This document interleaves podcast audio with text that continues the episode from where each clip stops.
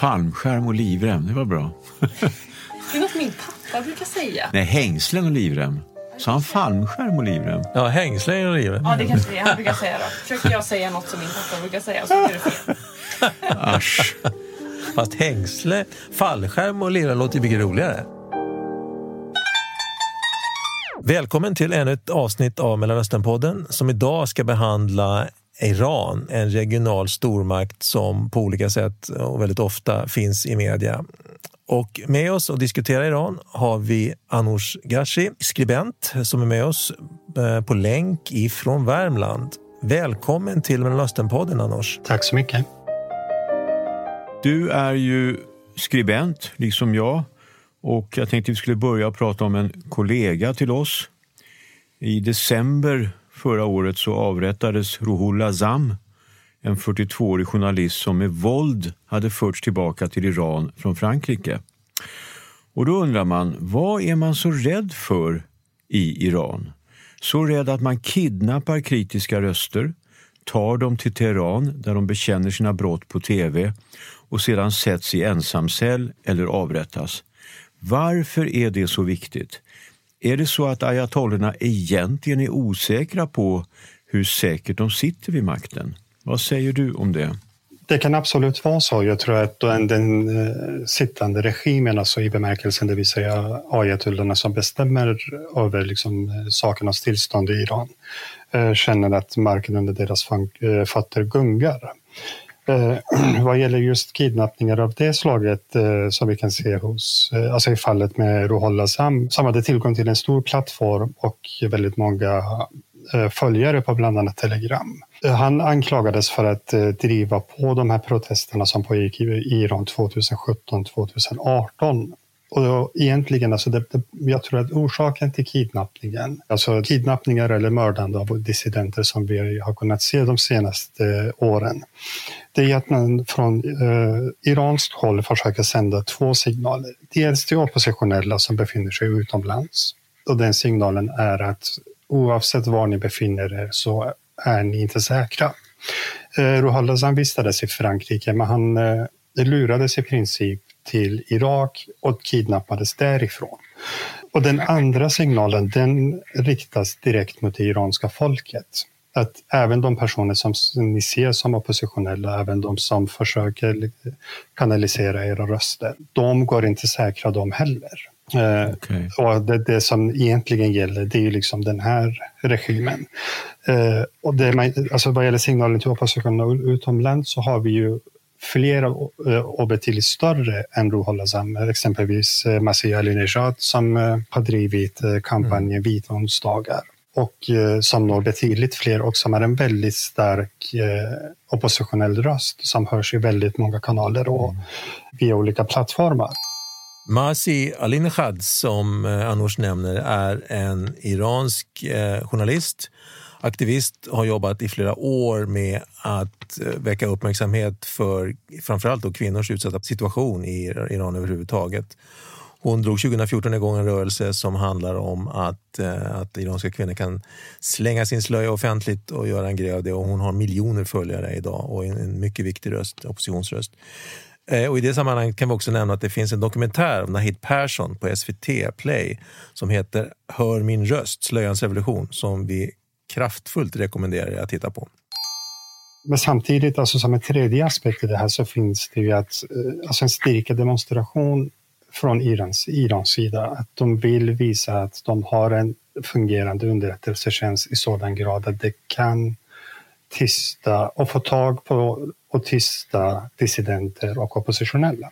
Men när du säger att det kanske är så att ayatollorna känner att marken gungar under deras fötter. Kan du säga någonting mer om det? Jag tror att eh, sanktionerna mot Iran har ju eh, slagit väldigt hårt mot landets befolkning. De här sanktionerna som nämns är alltså någonting som återinfördes av USA då när man lämnade det här kärnvapenavtalet. Och de har inneburit eh, svåra ekonomiska problem för Iran. Vilket gör att Iran hade för två år sedan tror jag hade en inflation på ungefär 41 procent. Och folkets tillvaro präglades ett tag eh, av en situation där eh, man kunde gå till affären och handla vissa alltså basvaror till, till ett pris eh, för att besöka samma affär för att kunna köpa samma produkt dagen efter till ett helt annat och högre pris. Det här har ju förstärkt den här ilskan hos folket. För när, när ekonomin väl brister, när man inte kan betala hyran eller när pengarna inte räcker till, så är det ju lättare för den här ilskan att komma fram. Sen är den alla gånger inte organiserat, eh, utan, men den manifesteras. Eh, och det gör ju att det har, eh, i alla fall under de senaste två åren, pågått en ganska tid, tydlig pajkastning i Iran, där sittande presidenten Rouhani säger att han har försökt göra det bästa i situationen medan självaste Khamenei...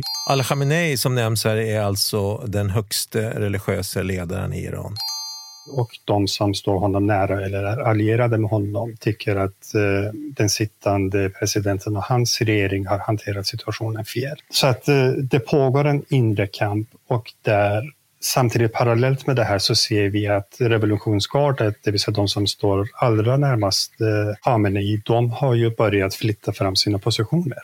Eh, så att det kan vara tal om att de kan komma och kandidera eh, i nästa presidentval. Det iranska revolutionsgardet eh, är alltså någonting som bildades strax efter det att revolutionen hade ägt rum då 1979.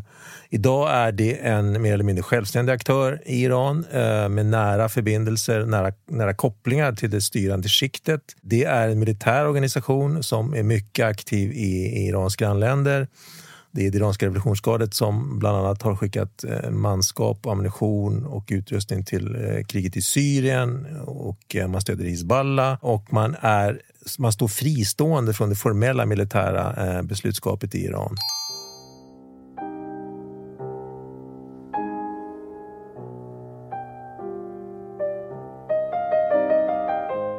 Om vi backar kort lite grann tillbaka in i den här kidnappandet. Alltså sedan revolutionen 1979 så har man mördat eller kidnappat över 360 personer inklusive marxister, politiker, diplomater, journalister, folk som hade haft med, med att göra. Men sen uppträder någonting intressant. Det blir en tydlig paus från 1997 och nu sätter man igång igen. Inte bara Sam, nu senast en svensk-iranier, Habib Khabi, en av ledarna för Irans araber, kidnappad i Turkiet och förd till Teheran. Och New York Times spekulerar att det som händer nu, att man börjar igen att kidnappa, det är en del av maktkampen i Teheran mellan hårdföra och mycket hårdföra. Vad kan man säga om det? det? Det, kan ju absolut vara ett tecken på att, alltså en kamp mellan de konservativa, att de försöker överträffa varandra i princip slåss om den mm. alltså den stora ayatollans kunst. Eh, men det man försöker göra också är att man försöker tysta varje kritisk röst som blir tillräckligt stor och får internationell uppmärksamhet. Eh, för att därmed sända signaler både till oppositionella och till folket i Iran att man inte bara tänker liksom sitta tills eh, som man har gjort de senaste kanske 20 åren och bara se på. Mm.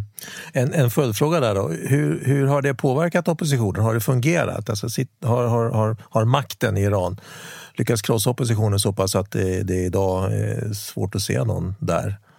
Eh, jag är av åsikten, eh, och det finns säkert de som inte, eh, inte håller med mig, men jag är av åsikten att det inte riktigt finns någon livsduglig opposition uh, värt namnet inne i, i, inne i Iran. Därmed inte sagt att det saknas kritiker, uh, människorättsaktivister och liksom andra personer som, som verkligen kämpar för frihet och demokrati.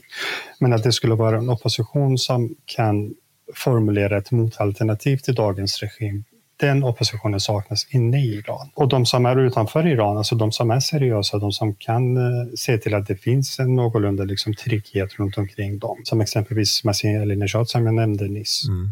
De tror jag de kommer att fortsätta sin kamp och de kommer att fortsätta att föra liksom, folkets talan. De, de, de är ju i princip en röst för folket inne i Iran och kanaliserar det till personer i väst så att de får en inblick i iraniers vardag.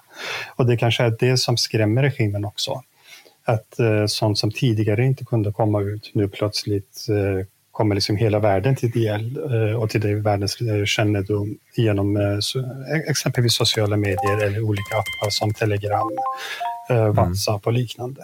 Men är det det då som skulle krävas, att säga, om, man, om man diskuterar i termer av en, en helt förändrad regim?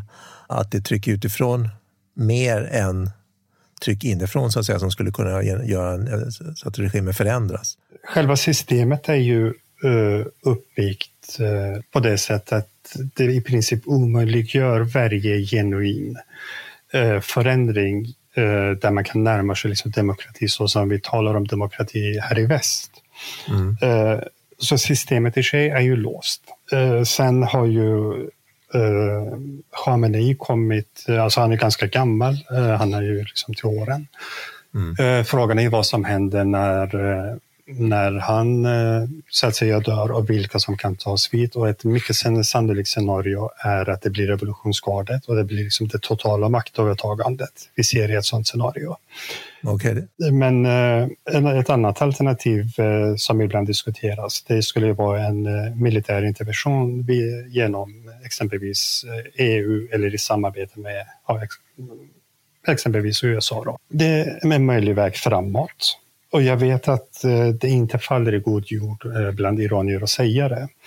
Eh, och det mm. finns faktiskt skäl till det också som, som jag kan förstå. Vi har många etniska grupper i Iran, alltså kurder, balucher, azerier, eh, araberna i Khuzestan-provinsen.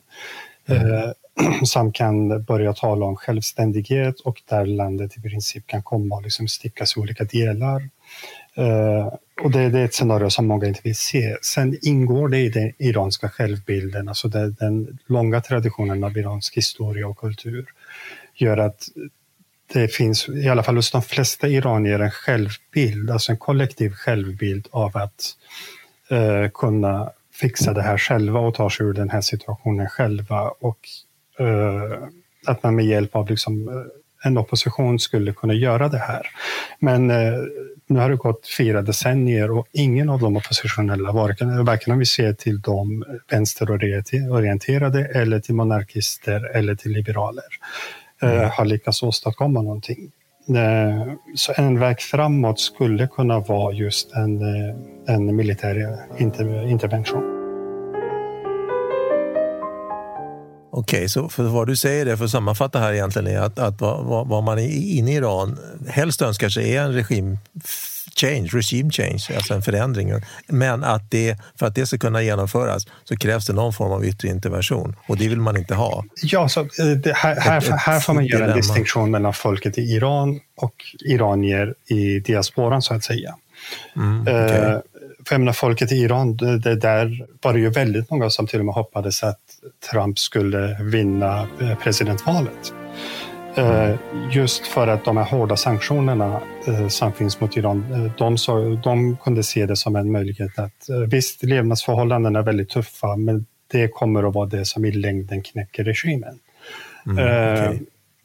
Och huruvida de ställer sig till en intervention eller inte, det är väldigt svårt att uttala sig om det, det, är ju ändå ett folk med erfarenhet av krig, så jag tror inte att det är särskilt många som är glada på det alternativet. Nej. Eh, men samtidigt så finns det ju en uppgivenhet hos folket eh, efter de här återkommande demonstrationerna som slås ner väldigt brutalt.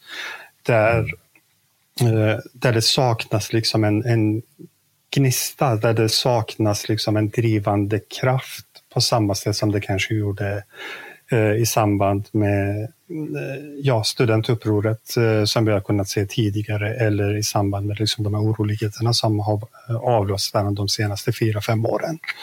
Eh, och för varje gång de här demonstrationerna eller protesterna slås ner och det blir brutalare för varje gång så tror jag att en del av viljan och förmågan och hoppet försvinner hos det iranska folket.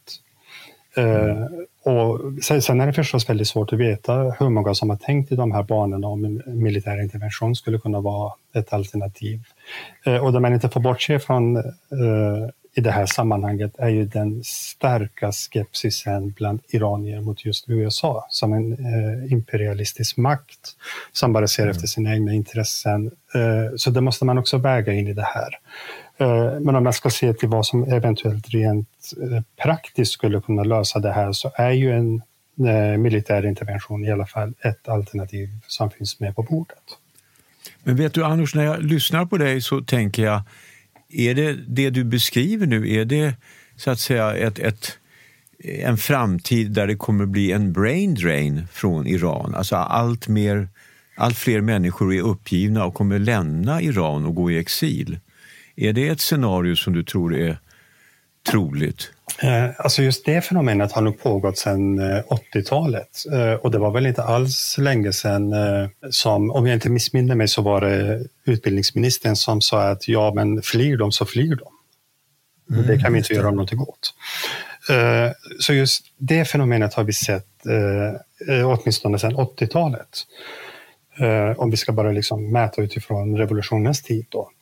Eh, men det, det, finns otroligt mycket potential att ta vara på inne i själva, alltså bland de som är kvar i Iran. Eh, alltså vi har personer som är väldigt högt utbildade men som inte hittar ett arbete och får nöja sig kanske med ett enklare jobb. Mm. Det finns en nästan överproduktion av läkare, ingenjörer, alltså välutbildade personer inom IT-branschen och annat. Eh, men som inte hittar ett yrke för att det är så begränsat som, som det är utifrån de restriktioner som finns. Så att eh, risken för brain drain, ja den finns, den kan öka ytterligare. Men det finns fortfarande en stor potential inne i själva Iran att ta vara på. Om man ställer detta då, detta faktum då att, att regimen, ja, det sitter, den sitter förhållandevis säkert. Den har i alla fall hittills kunnat hantera de här demonstrationerna på olika sätt. Mm. Om man då ser på Irans regionala roll, man har fört en ganska, från regimens sida, fört en ganska aggressiv och expansiv utrikespolitik. Det finns iranska trupper eller, eller eh, milisgrupper från ja, från Somalia, från Libyen och hela vägen mm. uh, i, över hela regionen. Alltså det finns en klar expansiv drive hos regimen och det, det har funnits ganska länge. Uh, delvis kanske naturligtvis för att exportera revolutionen, men det handlar väl kanske möjligen mer om om en sorts säkerhetspolitisk vilja att, att, att skapa ett band av lojala, om inte klientstater så i alla fall eh, inflytande i, i länderna runt omkring. Mm. Och, det, och det är från ett land som ändå är ganska fattigt jämfört med, med, med en del andra. Ändå så driver man det här väldigt hårt uh, och fortsätter att göra det. Hur, hur, hur ska man förklara det? Eh, alltså om vi ser till de, eh, till de resurser, alltså naturresurser som finns i Iran så är det väl ett förhållandevis rikt land. Men det beror förstås på vilka man jämför det med. Ja, jag, tänkte, jag tänkte närmast på den, så säga, den nationalekonomiska ja, precis. utgångspunkten. Eh, och där handlar det om att man har hellre prioriterat eh, utrikespolitiken mm. och i det så ingår förstås finansiering eh, på olika sätt av paramilitära grupper eller just för att kunna expandera och föra ut både liksom en ideologisk kamp men också för, för att vidga sitt geografiska område så att säga. Mm. Så att den, den geografiska gränsen går inte där Irans gräns går utan att den kanske går i Libanon. Iran har ju satsat väldigt mycket på på utrikespolitiken. Men jag skulle hellre kalla det för, liksom för, för på sin expansion. Eh, mm. Alltså den, den, ideologiska expansionen, men samtidigt, som samtidigt för med sig att den geografiska gränsen flyttas längre bort från Iran. Men som samtidigt ger Iran möjlighet att utöva makt på ett sätt, alltså vara en maktfaktor i regionen och utgöra ett direkt hot i, i regionen som måste tas på största allvar.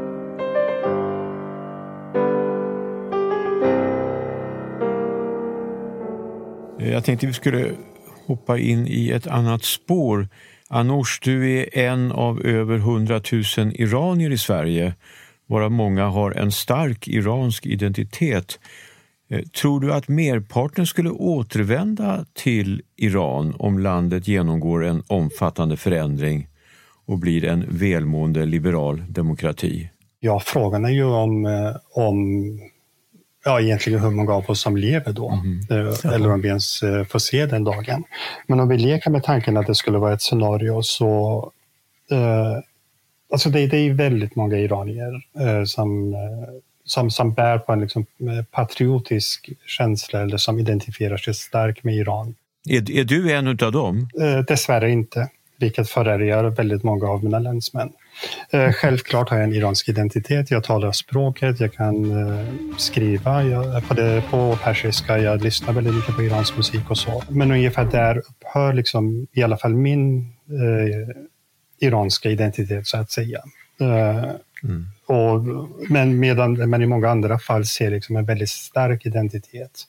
Mm. Uh, och att man på något sätt bygger upp en fantasibild ibland, vilket inte är så ovanligt när man befinner sig liksom, uh, i, ja, i, alltså som, som en del i, av diasporan så att säga. Mm. och det pratas väldigt mycket om alltså ett fritt Iran och hur många som egentligen skulle vilja återvända. Eh, ja, det är många som säger sig vilja återvända, men hur många det faktiskt rör sig om och hur många som faktiskt kommer att ta det steget. Eh, ja, tillåt mig att vara lite skeptisk på den punkten. Okay. Men vi pratade ju innan om hur Iran har en viss inblick i exiliraniernas verksamhet, speciellt om den är kritisk mot hemlandet. Mm. Känner du att du är bevakad? Känner du att du tar en risk genom att delta i den här podden? Nej, eh, nej. Eh, och anledningen till det är att eh, Alltså det finns större fiskar för dem att jaga och försöka liksom fånga in. Nej, men för egen del så är jag inte särskilt orolig. Inte i nuläget i alla fall. Okay, okay. Vi har berört några gånger relationen mellan Iran och USA. Mm. Och om du skulle guida våra lyssnare in i det förhållandet, hur skulle du beskriva situationen mellan de här två länderna? Vad är det som gör att ayatollorna tycker att USA är Satan? Alltså, USA är ju den ständige och den största fienden. Eh, ibland konkurrerar USA och Israel om den rollen. Men eh, USA har ju varit liksom sinnesbilden för eh, imperialismen, för kapitalismen som, eh, som förtrycker folk, för den här imperialistiska tanken som också får klara kulturella uttryck som gör att, så som ayatollorna sa i samband med revolutionen och fortfarande säger, som vilseleder iransk ungdom och som gör att det iranska, det iranska folket kommer liksom ifrån sina rötter, traditioner och normer och sådär. Så dels så hade det i alla fall till en början en, en, en ideologisk prägel. Vidare så är det ju att det är alltid bra att ha en tydlig och uttalad fiende Eh, som man kan peka på och beskylla för allt. Oavsett om det handlar om att oljepriserna sjunker eller om det handlar om eh, inflationen i Iran eller om det handlar om krig eller om det handlar om destabilisering i regionen. Oavsett vad som händer så pekar man eh, på USA. Och i senare år så har det blivit vanligt att man ibland till och med glömmer bort USA och nämner Israel först och kommer på sig själv att Eh, ja just det, USA den stora satan, Israel är den lilla satan. Så att, alltså det finns ju en, dels handlar det om en kulturkamp med klart eh, religiösa inslag. Eh, och dels handlar det om, eh, om att ha en uttalad fiende. Men eh, samtidigt får man inte glömma bort att alltså under Iran och Irakkriget så kunde USA sälja vapen till både Irak och Iran. Sen kunde det se lite olika ut. Alltså, eh, att, att stödet till Irak övervägde stödet till Iran. Men att när det kom till realpolitiken så kunde Iran ändå köpa vapen av USA. Eh, men just att ha det som en uttalad fiende eh, som man kan, man kan beskylla för allt mellan himmel och jord. Eh, det har ju fyllt en ganska stor funktion i Irans politik de senaste 40 åren. Vi har ju pratat en del om relationen mellan Iran och USA och att USA är den stora Satan och Israel är den lilla Satan. Och då tänkte jag höra, skulle du säga att det finns några specifika skillnader mellan USA och Israel om vi nu pratar om Irans relation? På vad sätt är Israel en liten Satan från ett iranskt perspektiv? Alltså USAs funktion som en liksom yttre fiende, den finns fortfarande kvar. Men jag jag tycker att eh, Israel har gått om USA eh, de senaste tio åren. Och det märks ju ganska tydligt i politiken att men, alltså när eh, iranska representanter eller iranska politiker uttalar sig så pratar de om vedergällning, att man sätter hårt mot hårt mot USA och att alltså det är en annan ton. Även om man fortfarande ser USA som den, den stora satan och den som ska bekämpas. Tonen har ju, är ju betydligt hårdare när det kommer till Israel. Så Israel har ju egentligen i praktiken gått om USA och bär ledartröjan i den kampen idag. För inte alls länge sedan så röstades ett lagförslag igenom i Irans parlament eh, där man eh, egentligen fastslog att det åligger regeringen och eh, förinta Israel Eh, inom loppet av de närmaste 20 åren. Och det ska göras genom att eh, erbjuda militärt eh, stöd både till, till Hamas olika liksom, palestinska myndigheter och annat, men även Hizbollah och andra paramilitära grupperingar som kan gynna den saken. Och på ett av de största torgen i Teheran som intressant nog heter Palestinatorget så har man satt upp en väldigt stor reklamskylt och ovanpå den klocka eh, som tickar ner eh, och ska markera liksom att man närmar sig de här 20 åren då, då Israel ska vara, så att säga, som de brukar säga, raderat från kartan. Det här som Manoush nu nämner eh, angående det här lagförslaget i iranska parlamentet om att förinta Israel och den här klockan som tickar ner på Palestinatorget.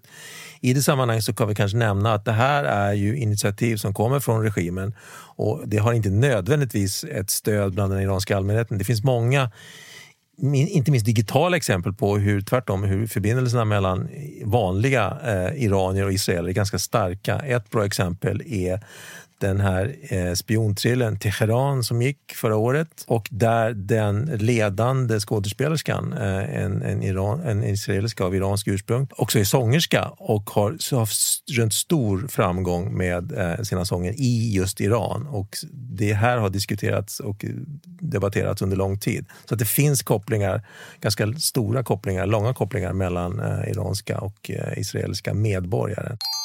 Israel är ju ett, ett, större fiende idag i praktiken än vad USA egentligen är. Eh, vad gäller Iran och USA så pågår ju liksom den klassiska maktkampen med lite symbolik. Alltså vi kunde se att Trump hade liksom ett nav i Persiska viken för inte så länge sedan, drog tillbaka den. Eh, från Irans håll så hette det att om eh, ja, Irans territorium, eh, eh, om det görs inskränkningar på den så kommer man att svara liksom med hårda medel och så liknande. Eh, men när det kommer till Israel så är det en annan ton, alltså det har en religiös botten eh, och en, en politisk eh, vinkel också. Eh, när redan i början av revolutionen så pratade Khomeini om, eh, om Israel som ett hot mot islam. Alltså inte ett hot mot Iran, inte Eh, ett hot mot muslimer utan som ett hot mot, eh, mot islam eh, som religion.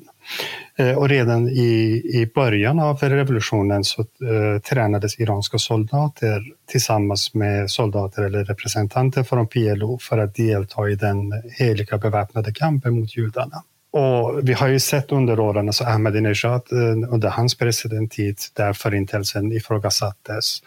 Eh, det, anordnas år, näst, nästan årliga tävlingar i liksom antisemitiska teckningar och så vidare.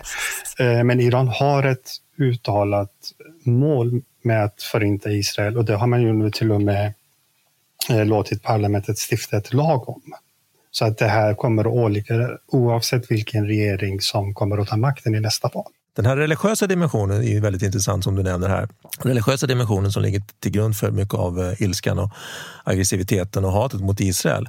Det finns ju inom shia-islam två helt separata idériktningar, det finns ju naturligtvis fler, men två stora separata idériktningar om huruvida religionen ska spela en roll i politiken eller inte.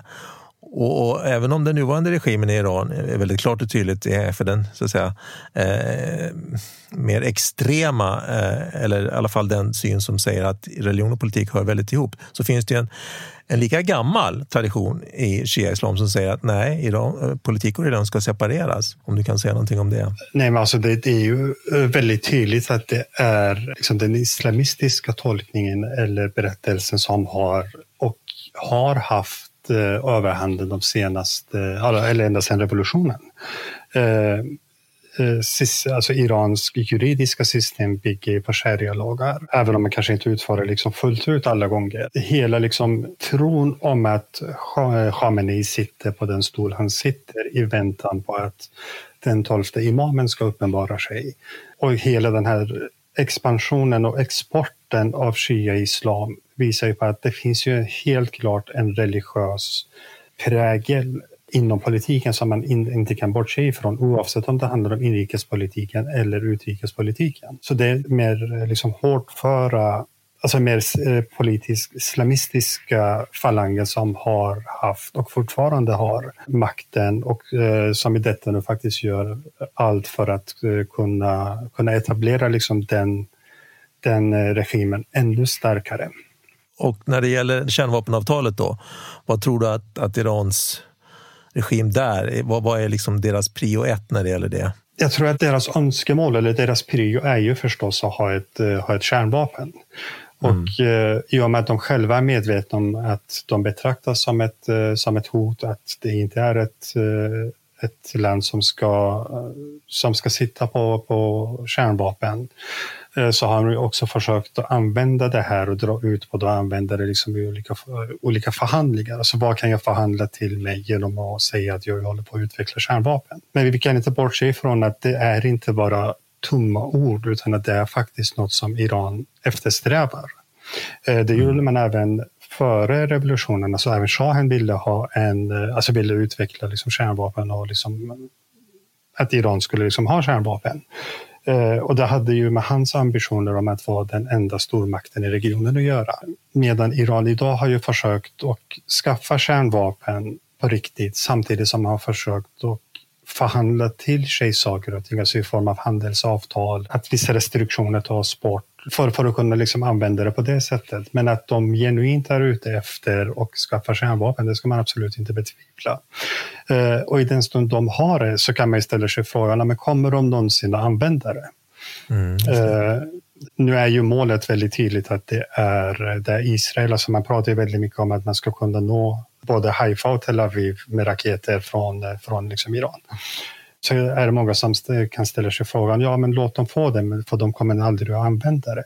Eh, men det man å andra sidan måste ha i åtanke är att när det kommer till just den här frågan så räcker det med hot om att använda det för att få sin vilja igenom. Alltså det stärker Irans eh, position i regionen. Mm. Om att alltså en, en väldigt instabil regim eh, som sitter på den, eh, alltså instabil i bemärkelsen att, alltså med, med våra mått mätt, men samtidigt också i, i många lägen eh, så, som agerar väldigt liksom, eh, uträknat. Och att låta dem ha kärnvapen, det är nog ett av de största misstagen som västlandet kan begå. Det var i alla fall min sista fråga. Ricky, jag vet inte om du har någonting? Jag tycker vi är tacksamma för att du har varit med oss. Tack ska du ha. Tack för att jag fick vara med. Det här avsnittet avslutar den första säsongen av Mellanösternpodden och vi kommer att börja nästa säsong med att samtala med Nathan Shachar som är DNs korrespondent i Israel. Och vi kommer då att prata om valet och vi kommer att prata om Israels framtid och bland annat kommer vi att ta upp huruvida den judiska staten närmar sig illiberala demokratier som Ungern och Turkiet. Det här avsnittet kommer att sändas redan den 1 april så den här gången blir det alltså bara en vecka mellan avsnitten.